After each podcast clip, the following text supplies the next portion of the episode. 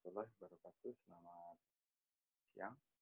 Jadi hari ini saya coba jelaskan tentang uh, masalah perubahan apa cara pandang ya dari sisi geologi bila dikaitkan dengan perencanaan dan pengembangan wilayah. Jadi untuk uh, peserta geologi air tanah ke Anda awalnya diawali dengan geologi kan. Jadi uh, geologi itu apa? Batuannya terdiri dari apa saja komponennya? Batunya apa? Bagaimana urutannya? Apakah ada sesar atau ada lipatan gitu ya.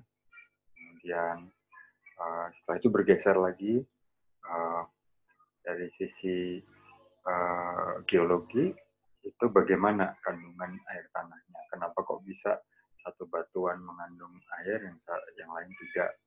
Kemudian bergeser lagi ke arah bagaimana cara mengeksplorasi atau mencarinya begitu ya. Nah sekarang ini lebih ke hilir lagi gitu ya. Jadi bahwa dalam proses perencanaan dan pengembangan itu perlu geologi. Nah, salah satu yang sudah jelas kelihatan ya kita mundur ke belakang masalah suplai air ya itu satu. Yang kedua bisa juga dikaitkan dengan uh, misalnya uh, geohazard ya bencana alam yang yang berkaitan dengan ilmu bumi ya. misalnya gempa bumi ada letusan gunung api uh, uh, ada tsunami misalnya gitu ya. itu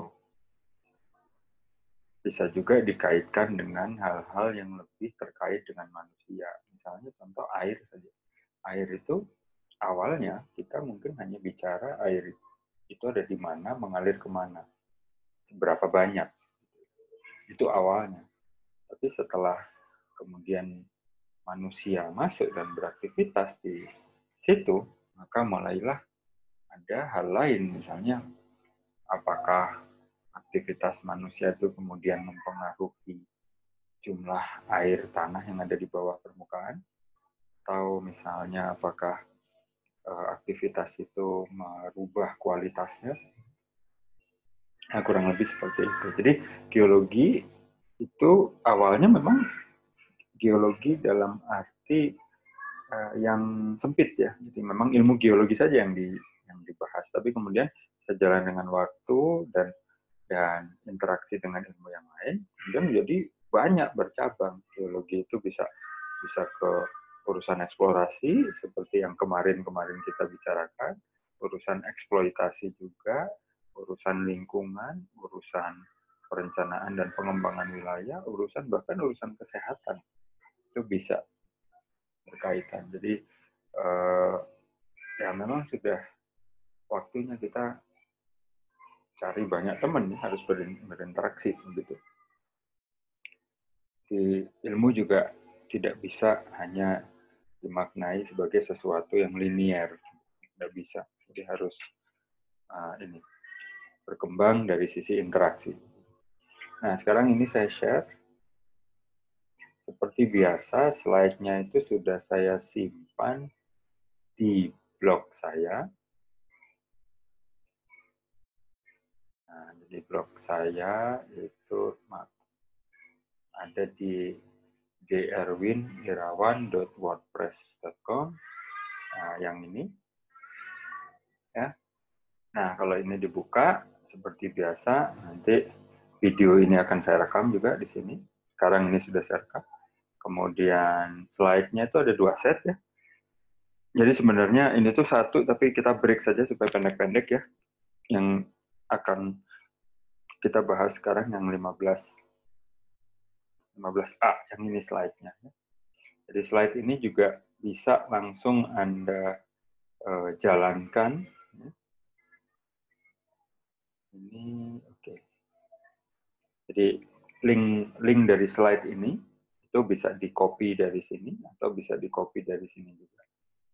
Dan kalau ini Anda klik maka akan masuk ke platform speaker deck ya macam slide share lah itu bisa di download PDF-nya karena speaker deck itu hanya penerima PDF. Nah, untuk format PowerPoint-nya itu sudah saya upload di server GitHub saya. Ini linknya, tinggal di download saja. Jadi ini tinggal Anda jalankan saja. Nah, jadi ini kalau saya perbesar,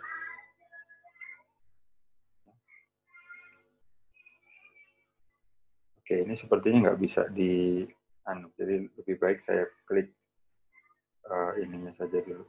Nah, speaker deck-nya, jadi supaya bisa full screen. Nah, baik, jadi ini slide-nya. Seperti biasa, pengampunya saya ada Pak Denny Juanda, kemudian uh, ini profil orchid saya.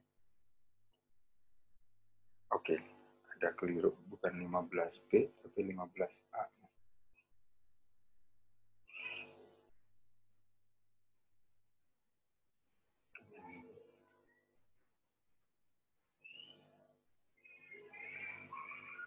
atau linknya mungkin agak oke linknya masih ber ini nanti saya akan perbaiki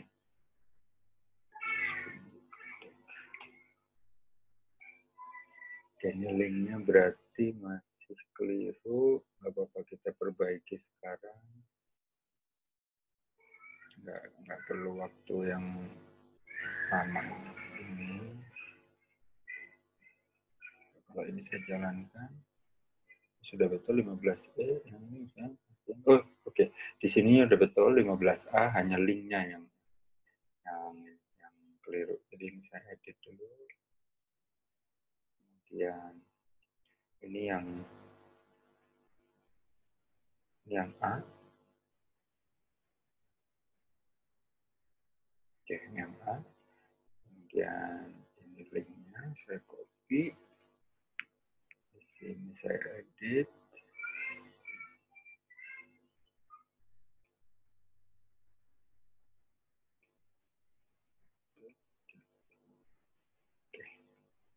Ini kemudian sudah update oke jadi ini mestinya sudah terupdate terupdate linknya menuju ke sini ya oke jadi ini kita besar lagi. Oke, jadi ini linknya, kemudian ini slide-nya. Nah, nah, jadi kalau dikaitkan dengan uh, sumber daya air, memang kita perlu melakukan uh, apa ya pemodelan, pemodelan karena uh, antara supply ya, dan kebutuhannya, demand-nya ini kan harus selalu seimbang. Diharapkan uh, demand-nya di bawah supply kan begitu. Nah, di tahun 1990 ini zaman dulu ini ada pekerjaan Pak Denny Juanda waktu itu kami bekerja di tahun 90-an dengan timnya itu menghitung uh, ini potensi air ya kan potensi air yang terdiri dari air tanah, air permukaan, gitu ya, dan air hujan. Nah ini air permukaannya. Nah saya tahu ini sudah dated sekali, sudah lama, jadi harus di, di update. Dan slide ini juga dalam waktu dekat akan saya update. Tapi tadi pagi saya melakukan pencarian banyak sekali pencarian informasi tentang uh, potensi sumber daya air ya di Indonesia itu ternyata banyak juga yang sudah melakukan. Jadi melakukan pemodelannya juga ada yang berdasarkan pengukuran uh, time series ya. Kemudian ada yang pakai uh, neraca air ya, water balance. Dari data-data klimatologi, ada juga yang pakai data satelit, gitu ya, sudah sangat sangat beragam sekarang. Ini uh, suatu saat akan kita uh, rubah. Gitu ya. Nah ini yang di Jawa Barat itu ada sat, rasionya 1,2. Jawa Tengah 1,3, 1,6, 1,3. Jadi ini rasio antara uh, kebutuhan dan supply. Nah artinya apa? Karena lebih dari satu, maka uh, kebutuhannya itu sudah lebih banyak dibanding supply-nya. Dan kalau kita lihat di sini, Ini yang di kotak-kotak ini sudah di atas satu. Jadi suplainya udah lebih kecil. Nah, kalau kita lihat, masih ada juga provinsi, ini provinsi, ya, itu yang kurang dari satu. Ini, misalnya di Papua, ini masih banyak 0,00 sekian, kurang dari satu. Kalimantan juga sama. Nah, tapi tapi kita juga perlu berpikir begini. Bisa jadi kebutuhan ini terkesan rendah karena eh, penduduk di daerah-daerah itu sudah sadar bahwa tidak bisa sepenuhnya bersandar kepada air yang dihitung di supply. Bisa di ini ya, bisa dipahami. Jadi katakanlah Anda menghitung supply itu untuk air sungai. Nah, air sungai yang dihitung itu kan air sungai yang ada di lokasi kan. Nah, lokasi yang air sungai yang ada di lokasi belum tentu kualitasnya baik. Satu. Yang kedua, kalaupun baik, belum tentu dia continue baik sepanjang tahun. Nah, pada saat uh, kebutuhannya dihitung, itu bisa jadi ini adalah kebutuhan dalam dalam skema skenario air ini memang tidak bisa dipakai seluruhnya. Jadi seolah-olah kebutuhannya kecil. Contoh misalnya air-air sungai dan air tanah dangkal di daerah Kalimantan misalnya ini contoh saja di Kalimantan itu biasanya eh, tidak bisa langsung dikonsumsi terutama untuk eh, minum ya karena ya jenis akifernya berbeda dengan yang ada di Jawa di lahan gambut begitu. jadi apa namanya pH-nya juga eh, tinggi ya basah jadi apa namanya sangat tidak bisa dikonsumsi langsung. Itu contoh yang di Kalimantan. Di daerah lain juga kasus yang mirip-mirip pasti ada. Nah, kalau di contoh yang disebutkan di sini, di Jawa Barat, Jawa Tengah, Jawa Timur, itu memang karena uh, Anda sudah tahu tipe aquifer, tipe geologinya itu mendukung kepada sistem hidrogeologi yang sistem aliran sumber daya air yang relatif kualitasnya lebih baik. Karena berasal dari sistem gunung api uh, ditambah lagi hujannya sangat besar dan relatif ada sepanjang tahun begitu jadi ya airnya ada kualitasnya relatif lebih baik akibatnya kebutuhannya juga menyesuaikan kan di orang akhirnya menjadi lebih lebih apa ya lebih lebih mau menerima kalau kebutuhan airnya dipenuhi oleh sumber air yang ada di atau diperhitungkan di komponen supply. Jadi akibatnya ya kebutuhannya jadi tinggi sekali begitu. Tapi tabel ini angka-angkanya ini harus di direvisi. Tentunya nanti akan kami bandingkan.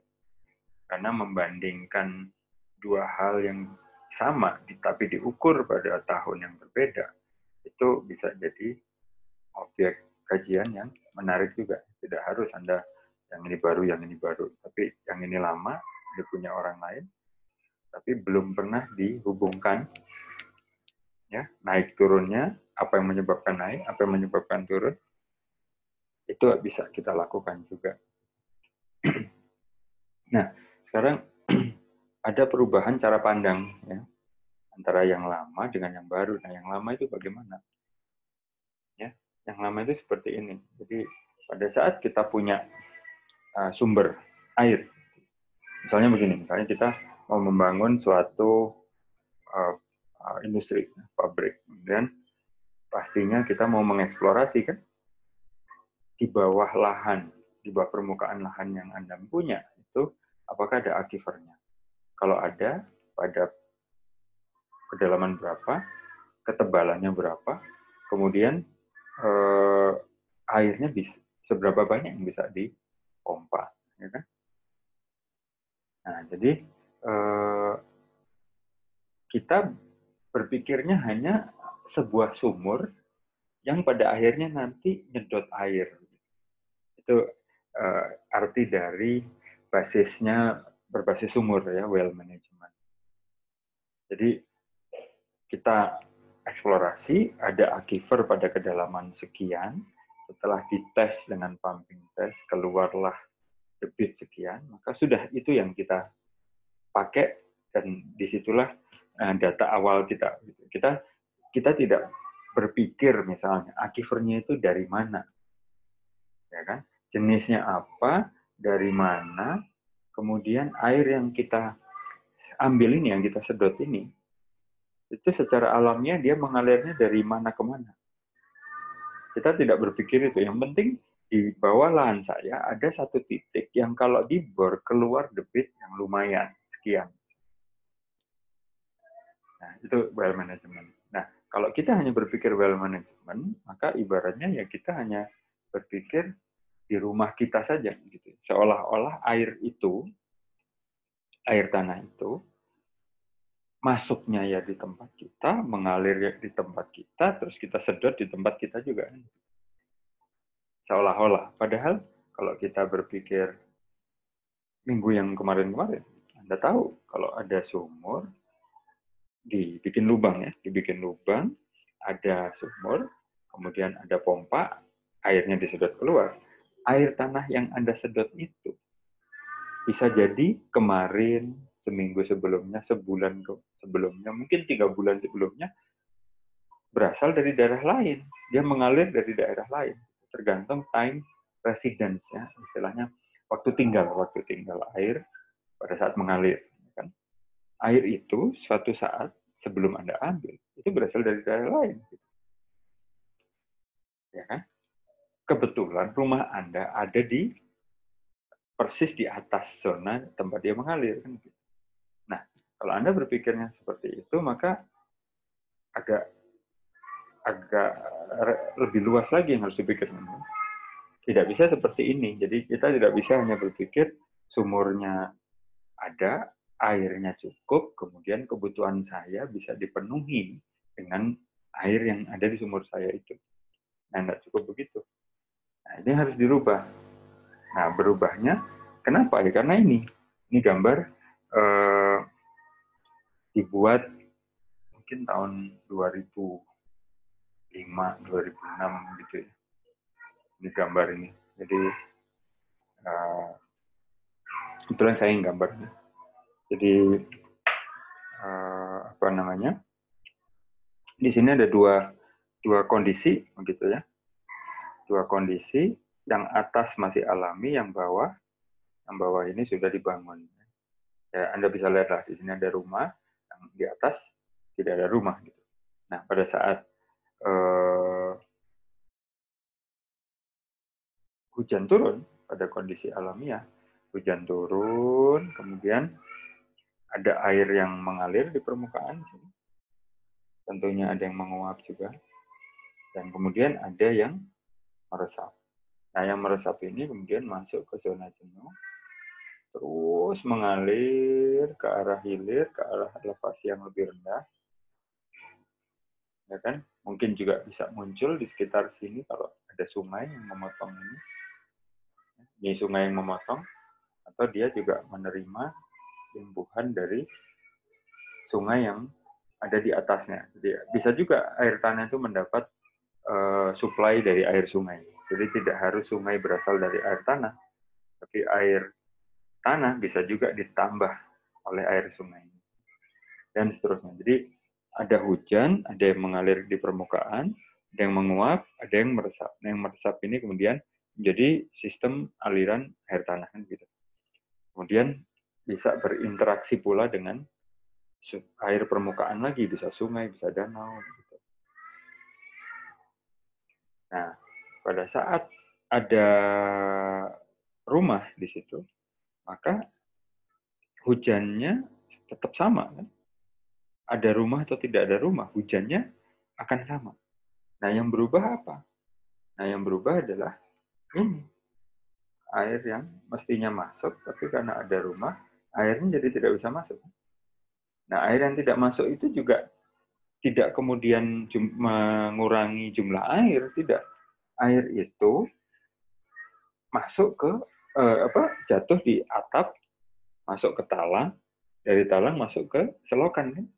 Nah, di selokan itu kan artinya apa? Dia akan menambah ini, on off yang ada di permukaan.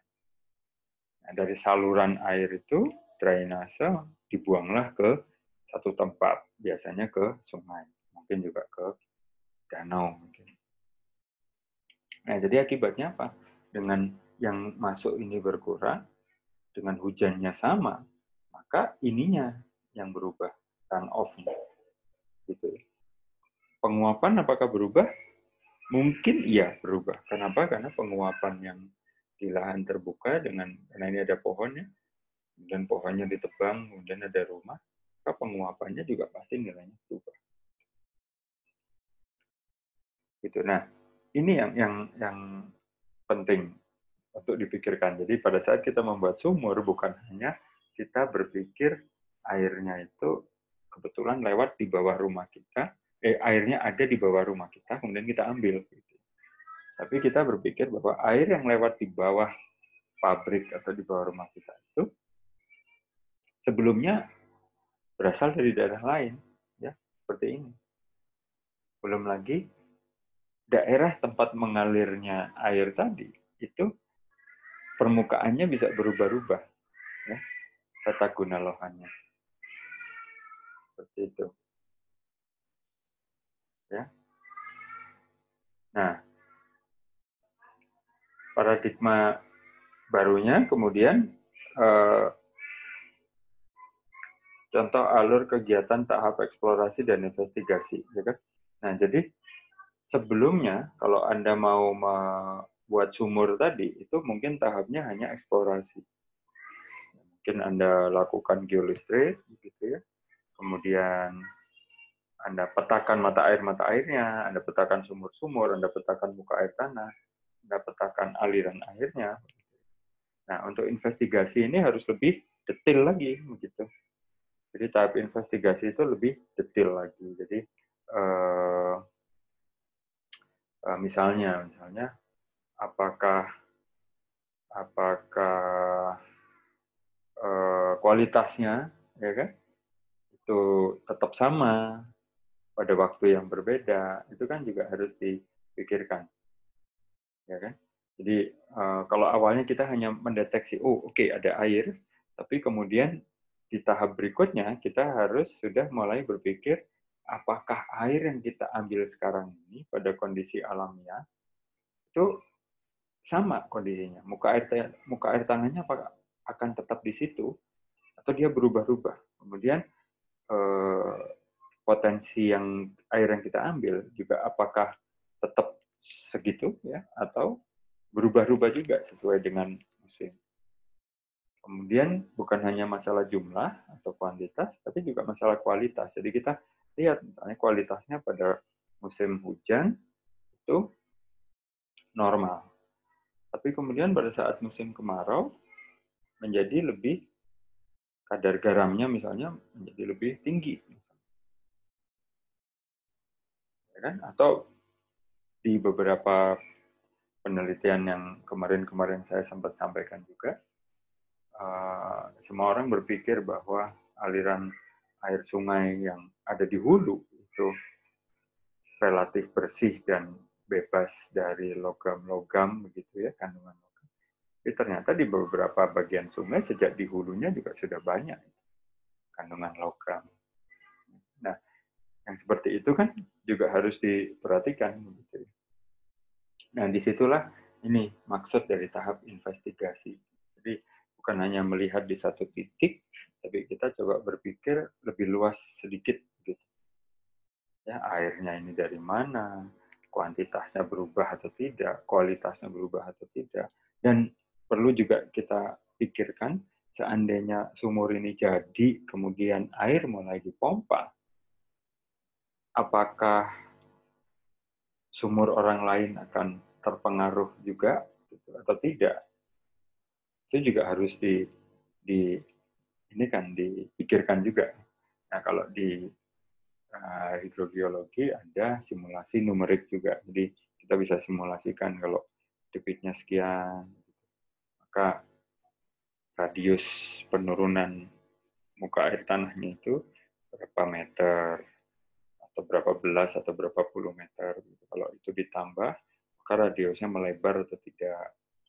Kemudian area mana saja yang dipengaruhi oleh sumur kita itu bisa di di ini di apa namanya disimulasikan.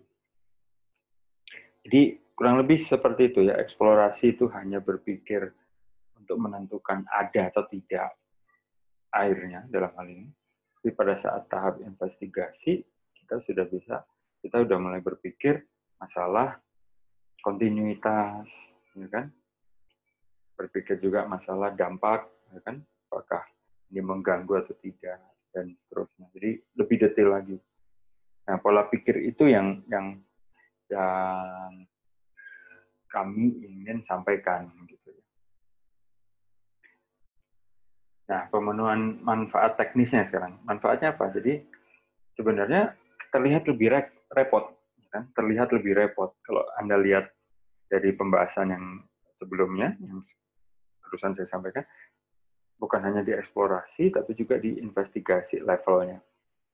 Memang terkesan lebih repot gitu ya, tapi kalau semua ini dihitung dengan baik, maka pemenuhan dan bukan hanya kita yang melakukannya, secara umum orang akan melakukan, maka pemenuhan air tanah itu bisa lebih baik ini sistemnya.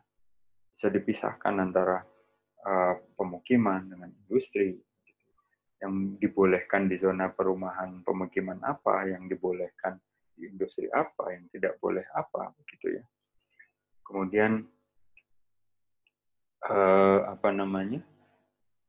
Ketika semua orang berpikir hal seperti ini, maka eksploitasi atau pengambilan air itu menjadi bisa dihitung. Kan sumurnya tidak cuma satu, gitu ya saya ngebor, Anda ngebor, tetangga kita juga ngebor, begitu apalagi kalau ini kompleks kompleks industri.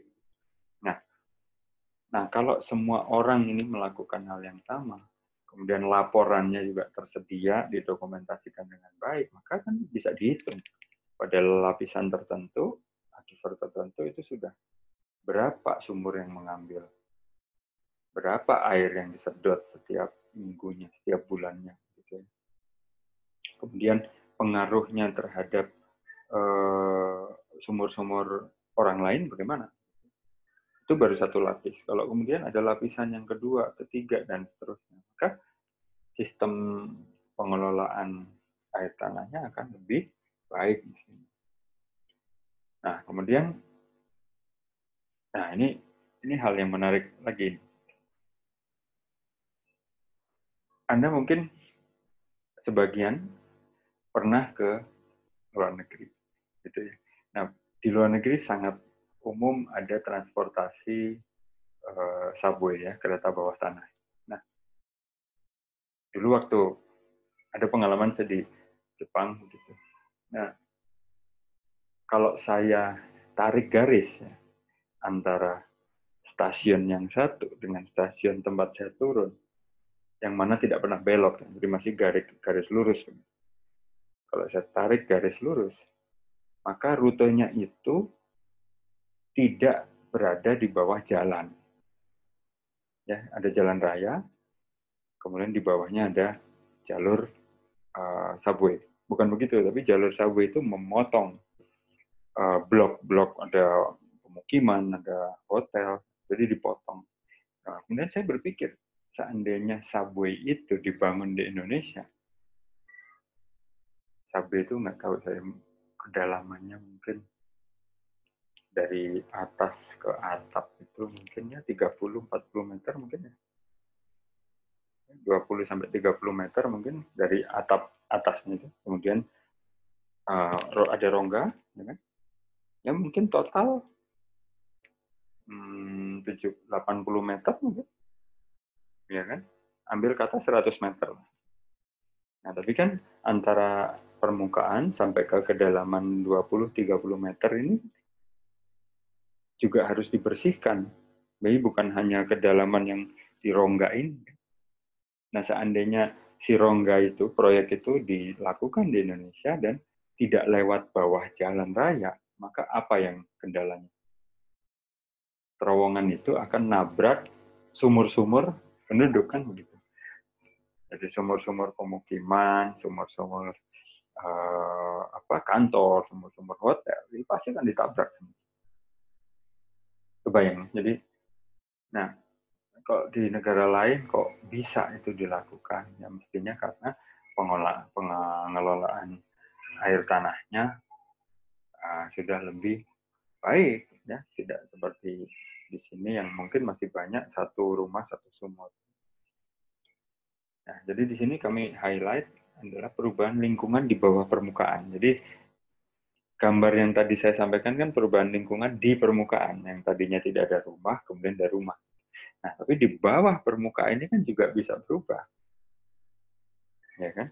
Yang tadinya baik-baik saja, tidak dipakai apa-apa, kemudian tiba-tiba menjadi jalur eh, transportasi misalnya. Ya kan? Atau jalur drainase yang super besar begitu.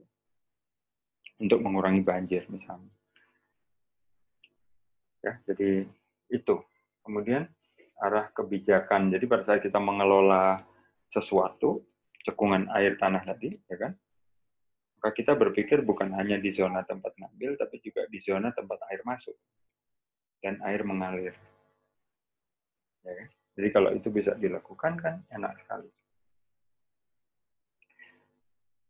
Karena zona di daerah imbuhan itu apa ya? Sering kita uh, lupa begitu. Kita ambil di daerah recharge, tapi di imbuhannya ini juga diambil juga tanpa diatur. Ya, jadi itu. Belum lagi perubahan wilayah di daerah uh, imbuhan di daerah hulu itu uh, juga intensif. Gitu. Perubahan itu bukan hanya dari lahan terbuka menjadi pemukiman ya, tapi misalnya dari lahan terbuka terus tiba-tiba dirubah menjadi kompleks pemakaman umum misalnya. Ya, contoh misalnya di Kerawang kan ada beberapa uh, itu kompleks pemakaman umum yang yang besar-besar ya. Nah, bayangkan kalau itu ada di daerah imbuhan, ada hujan, air meresap, dan tidak ada uh, pengaturan ya masalah resapan air itu kan air itu akan mengalir terus kemudian uh, diambil juga oleh penduduk di daerah uh, discharge. Jadi banyak sekali ininya manfaatnya sebenarnya. Nah, manfaat finansial sekarang ya. Ini nah di sini kami menyebut PAD ya. Jadi artinya begini. Air tanah itu kan sumber daya alam. Gitu ya. Yang kalau dia diambil oleh masyarakat umum untuk keperluan domestik, maka aman, tidak perlu ditarik pajak. Tapi kalau air itu diambil oleh uh, uh, entitas bisnis untuk kemudian menjadi bahan baku industri misalnya atau menjadi bahan baku untuk layanan mereka ya kalau misalnya hotel perlu air kan perlu air untuk mandi air untuk di toilet dan layanannya dijual. Nah kalau itu yang terjadi maka harus ada pajak. Dan pajak itu sekarang sudah masuk menjadi salah satu item di pendapatan asli daerah. Nah, PAD ini memang kami sebut di sini, tapi bukan berarti kemudian PAD dari air tanah atau pajak air tanah ini harus naik setiap tahun atau ditargetkan naik setiap tahun. Bukan itu maksud kami, tapi intinya kalau memang air itu diambil untuk keperluan bisnis, ya harus ditarik pajaknya. Untuk apa? Ya untuk dikembalikan lagi ke ke perawatan lingkungannya. Jadi bukan untuk dinaik-naikkan kemudian eh, pajaknya untuk keperluan lain. Jadi bukan begitu pola berpikirnya. Karena uh, sampai hari ini misalnya sumur-sumur pantau untuk muka air tanah itu hampir tidak ada rasanya uh, atau sangat sedikit ya ada saya tahu beberapa daerah yang memang mengalokasikan anggaran APBD-nya untuk membuat sumur pantau. Tapi ada lebih banyak daerah yang lain yang sumur pantaunya itu dibuat oleh industri sendiri gitu ya. Nah, akibatnya apa? Mereka membuat sumur pantau, akibatnya ada lokasinya ya di daerah mereka sendiri kan. Jadi kalau kita petakan begitu suatu daerah yang punya beberapa sumur pantau, maka sumur pantaunya itu kemungkinan besar akan mengelompok di zona industri. Sementara di zona yang lain, bagian cekungan air yang lain, itu tidak ada sumur pantaunya. Kenapa ya? Karena sumur pantauannya itu yang membuat uh, orang yang mengajukan izin yang punya sumur. Jadi uh, pihak industri sendiri yang membuat bukan pihak pemerintah. Ya sudah tentu mereka akan mengambil lokasi di wilayah mereka sendiri yang bisa mereka kendalikan dan wilayah milik mereka. Ya itu. Jadi PAD ini bisa dikembalikan ke arah sana. Bagaimana mengembangkan sistem pemantauannya begitu ya, baik urusan pemantauan muka air tanah atau pemantauan kualitas. Nah, jadi di sini kami tulis PAD melalui pajak air tanah ini adalah instrumen untuk mengendalikan, bukan instrumen untuk uh, menambah pemasukan. Jadi kurang lebih itu yang uh, saya sampaikan untuk yang hari ini. Besok ada bagian yang berikutnya. Ya, jadi di sini Anda uh, saya simbolkan ulang kembali bahwa di sini Anda uh, harus mulai berpikir begitu bahwa sumur atau air tanah itu dikelolanya harus uh, berbasis cekungan. Jadi Anda kalau membuat sumur dengan hanya berpikir, oh ada sumur di bawah sini, ada air tanah di bawah sini, mari kita bikin sumur, mari kita ambil air. Bukan hanya itu, tapi berpikir airnya itu berasal dari mana, kualitasnya bagaimana, kuantitasnya bagaimana, kontinu atau tidak, kemudian dampaknya setelah sumur diambil bagaimana, nah itu harus Anda pikirkan. Dan berikutnya adalah Anda juga harus mulai sebagai uh, ahli hidrogeologi ya, pemula begitu, uh, pemeta junior begitu kalau Anda masih S1, Anda juga harus bisa mulai berpikir perubahan ini. Perubahan tata guna lahan. Satu, anda juga harus mulai berpikir perubahan kondisi klimatologi. Hujannya berubahkah, tambah sedikit mungkin, atau tambah banyak, atau jumlahnya sama tapi variasinya jadi tidak karu-karuan ya, acak begitu polanya. Nah, seperti seperti itu. Itu. Kemudian Anda juga harus berpikir masalah monitoringnya bagaimana setelah membuat sumur. Mungkin itu yang bisa saya sampaikan. Terima kasih sudah mendengarkan ini. Jangan lupa untuk membuat catatan ya di file catatan publik ya di ada linknya di blog saya itu jadi anda bisa meresumekan apa yang saya sampaikan. Dan orang lain juga bisa langsung lihat. Kemudian anda uh, bisa bertanya di situ dan saya akan jawab di file itu. Dan itu akan tayang live di blog saya. Terima kasih.